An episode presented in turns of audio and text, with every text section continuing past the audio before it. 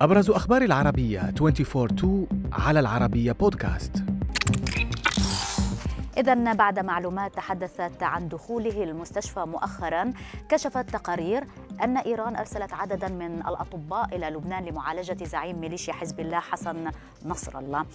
صحيفة كيهان الإيرانية المعارضة نقلت عن موظفي مطار بيروت قولهم إن عددا من الأشخاص يرتدون زيا خاصا بالأطباء أرسلوا من طهران إلى العاصمة اللبنانية على متن طائرة شركة معراج للطيران التابعة للحرس الثوري.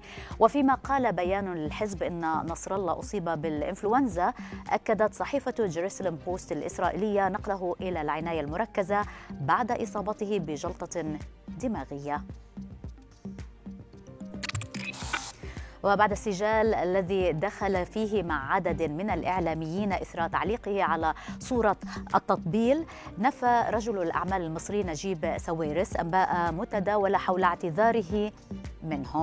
أحد المغردين وجه سؤال لساويرس عبر تويتر حول رأيه في نبأ عن اعتذاره للإعلاميين خلال حفل خاص في الجونة ليرد ساويرس قائلا كلام فارغ فيما كان الأخير قد دخل الأسبوع الماضي في سجال مع إعلاميين مصريين أبرزهم عمرو أديب بعد تعليقه على صورة معدلة وساخرة لهم وهم يدقون الطبول في إشارة لكلمة التطبيل التي يستخدمها مصريون لاتهام الإعلاميين بالمبالغة في دعم وتأييد النظام.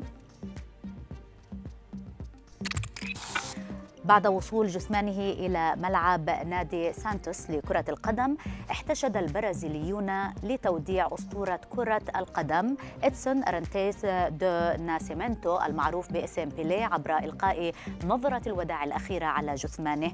وسائل إعلام محلية كشفت أن جثمان بيليه سيظل في الملعب الذي شهد انطلاقته نحو النجومية حتى صباح الثلاثاء ثم يحمل الجثمان في موكب عبر شوارع مدينة سانتوس. بما في ذلك المرور في الشارع الذي تعيش فيه والدة بيليه إلى أن يصل لمثواه الأخير حيث ستقام جنازة خاصة مخصصة لأفراد الأسرة. وجه البرتغالي كريستيانو رونالدو رسالة إلى جماهير نادي النصر السعودي الذي يستعد لاستقباله على ملعب مرسول بارك في العاصمة الرياض غدا الثلاثاء.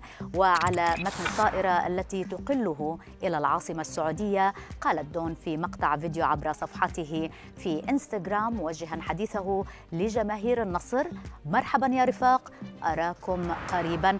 كان النادي السعودي أعلن ضم كريستيانو الجمعة الماضي إذ وقع عقدا رسميا مع النجم البرتغالي ليلعب بقميص النادي الملقب بالعالمي لمدة موسمين حتى العام 2025 Hi guys, see you soon.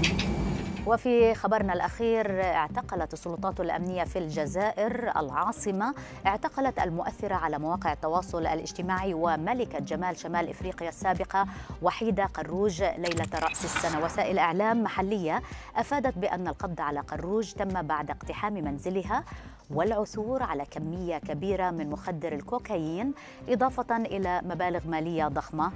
وأوضحت مصادر رسمية أن زوج المتهمة والذي كان خارج المنزل لحظة الاقتحام قد فر بعد علمه بخبر اعتقال زوجته.